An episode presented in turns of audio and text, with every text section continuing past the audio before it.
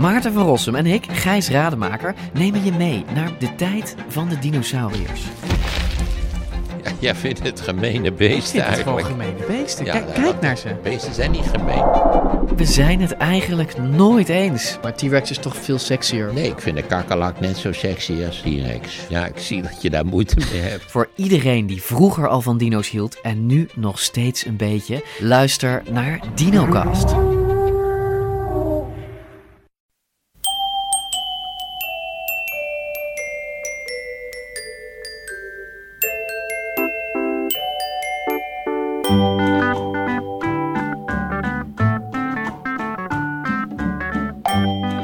Welkom bij aflevering 259 van Echt Gebeurd.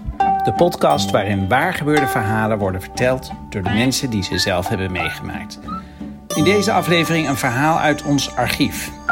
Marijn Scholte vertelde het in 2011 bij ons. Tijdens een middag met als thema Op reis.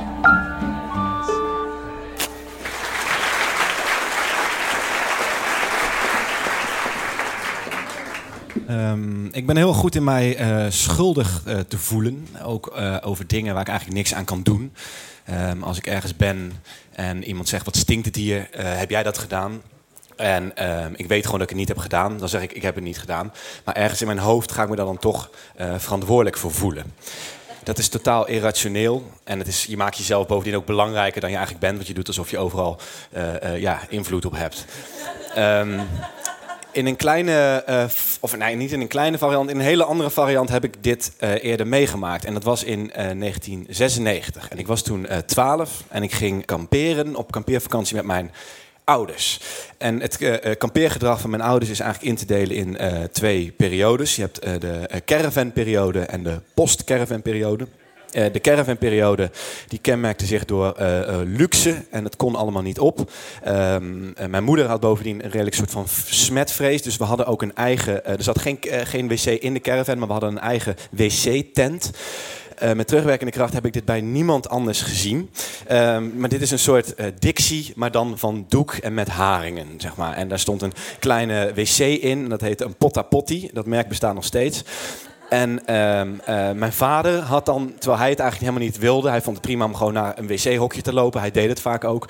Maar eh, mijn vader had dan de verantwoordelijkheid om die te legen. Zeg maar. Dus ja, en eh, het cliché van kamperen is natuurlijk dat een wc-rol, ja, dat, dat, dat je daarmee over de camping moest lopen. Nou, mijn vader liep gewoon met een hele wc. En dan dachten mensen van oké, de familie Scholte he- heeft hem weer vol. Zeg maar. Dat was een beetje.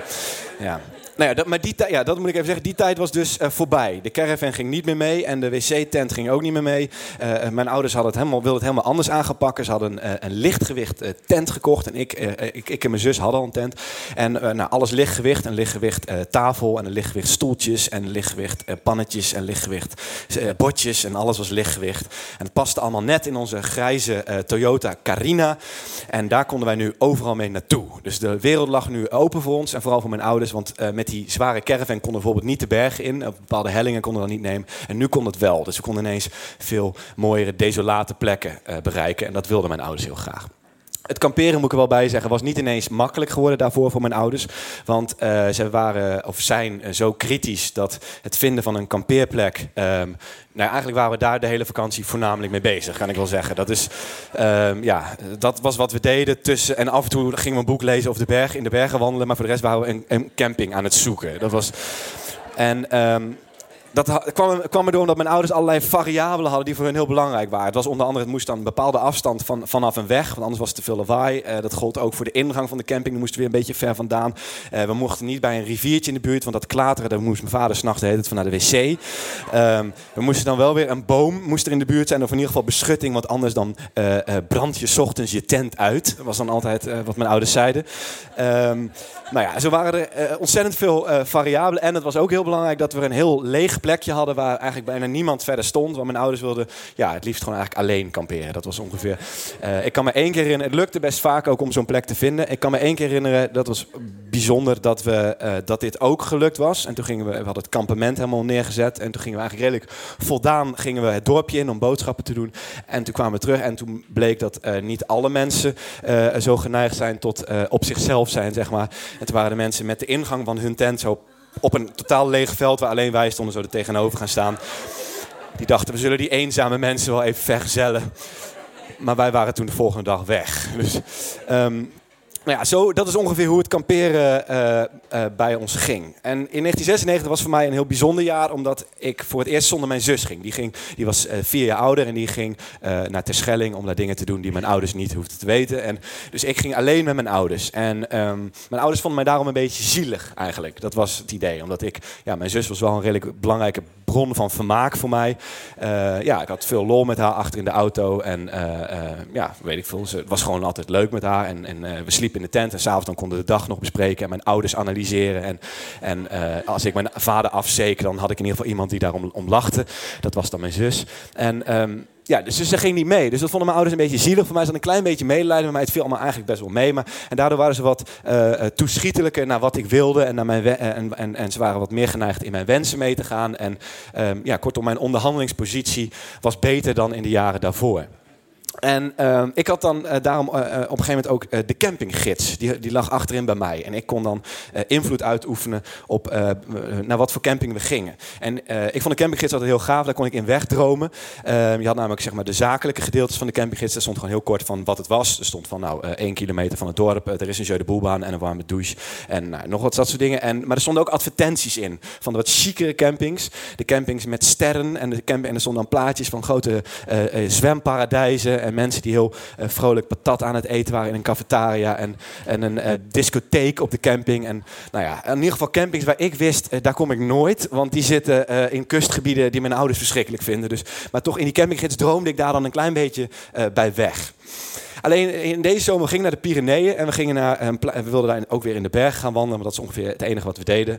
Um, ik zeg dat nu klagend, het was op zich best heel erg leuk eigenlijk. Maar, um, en we gingen naar een plaatsje in de buurt van uh, Biescas. En de tijd begon ook alweer te dringen, want dat was ook een ding. We reden altijd net te veel op een dag, waardoor we altijd zo...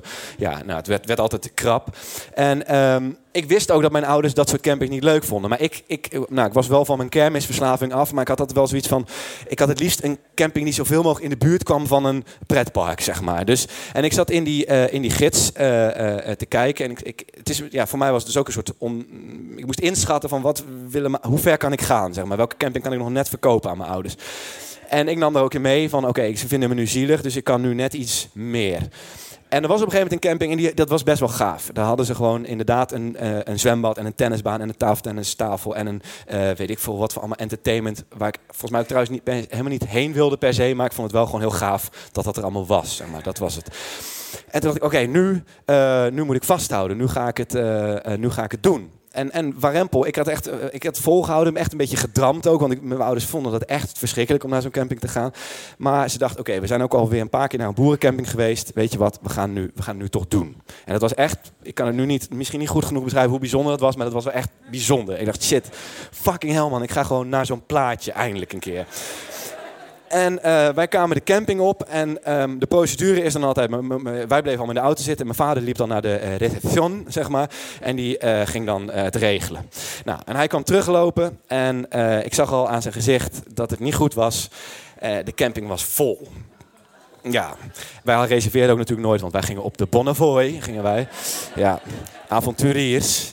Um, maar het was vol. En ik was totaal, ja, ik was echt teleurgesteld. Ik dacht van shit, ik bedoel, hoe, hoe groot is de kans dat alles bij elkaar komt? Er is tijdsdruk, er is zo'n camping die ik wil. En ik heb eindelijk de credits om dit ook voor elkaar te krijgen, maar het, was, het mocht niet zo zijn.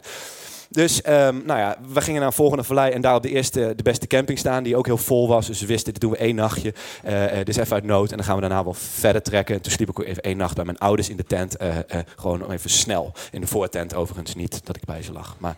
Um, en die avond ging het heel hard regenen. En de volgende dag gingen wij, trokken we door. En uh, door klopt niet helemaal, want we moesten eigenlijk terug. We moesten weer door die vallei waar die uh, camping uh, was. Waar ik mijn zinnen zo op had gezet. En waar ik nog steeds zo van baalde dat we er niet naartoe gingen. En we kwamen die vallei in en we moesten ineens stapvoets rijden. Nou, we snapten niet wat er aan de hand was. En, we, nou ja, we, en toen we wat verder kwamen zagen we ook echt een, een file door de, sorry, door de vallei. um, we dachten, wat is dit raar? En op een gegeven moment zagen we ook helikopters vliegen. We hadden wel door van, oké, hier is echt iets mis. Hier is echt iets echt heel erg mis.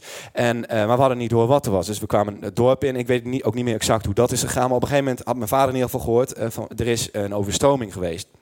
En ehm, wij eh, reden dat dorpje voorbij en we kwamen langs die camping. En het was duidelijk dat er, daar, eh, eh, dat er daar iets mis was gegaan. Wat er precies mis was gegaan was nog niet helemaal duidelijk. Maar we zagen ook, ik zag een helikopter en dat is een beeld wat me altijd zal bijblijven. En we luisterden toen gek genoeg naar, eh, of niet gek genoeg, we luisterden naar Sinead O'Connor, wat ik daar altijd mee associeer. Maar, en ik zag een, iemand werd daar uit de modder getrokken met een helikopter. Nou, dat was een...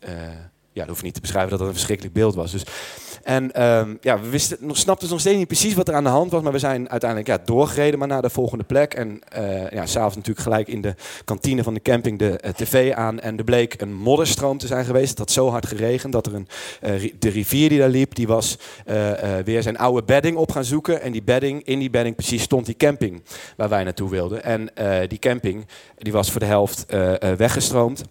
En er waren eh, eh, ook gewoon heel veel mensen bij eh, omgekomen.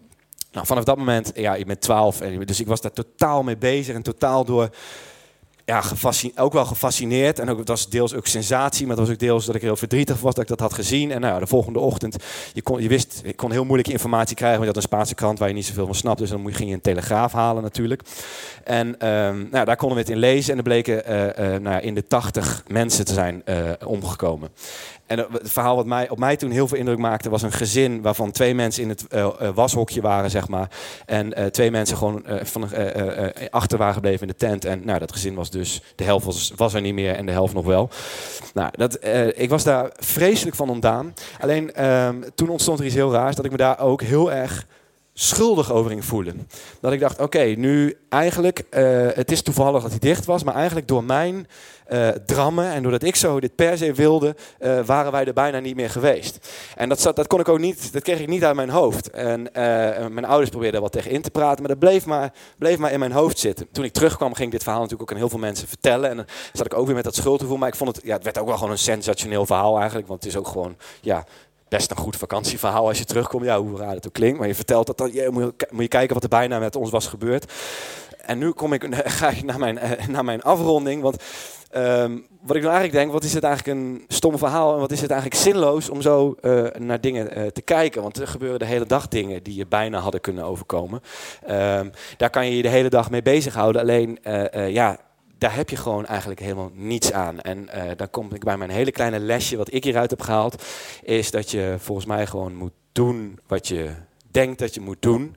Als dat drammen is, dan moet je ook gewoon drammen. En dan moet je niet bang zijn voor de eh, gevolgen daarvan. En de wereld die doet toch wel eh, wat hij wil. En soms gaat dat door jouw wereld heen. En soms gaat het om jouw wereld heen. Ja, doe gewoon wat je denkt dat je moet doen. En ga niet de hele tijd denken, als ik nou dat had gedaan, wat was er dan gebeurd? Nou, dat was het. dank u wel.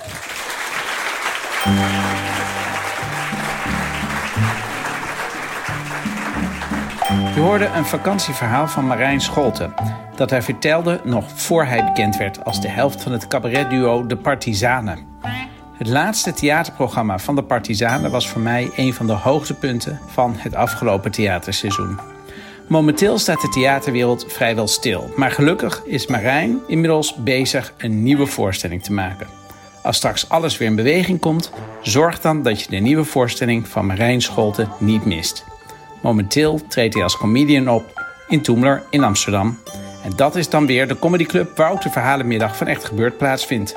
De redactie van Echt Gebeurd bestaat uit Paulien Cornelissen, Maarten Westerveen, Sanne Pols, Rosa van Toledo en mijzelf, Micha Wertheim. Productie Eva Zwaving, zaaltechniek voor deze aflevering Nicolaas Vrijman, podcast Gijsbert van der Wal. Dit was aflevering 259. Bedankt voor het luisteren. En vergeet niet, omschrijvingen uit de campinggids bieden geen garantie voor de toekomst.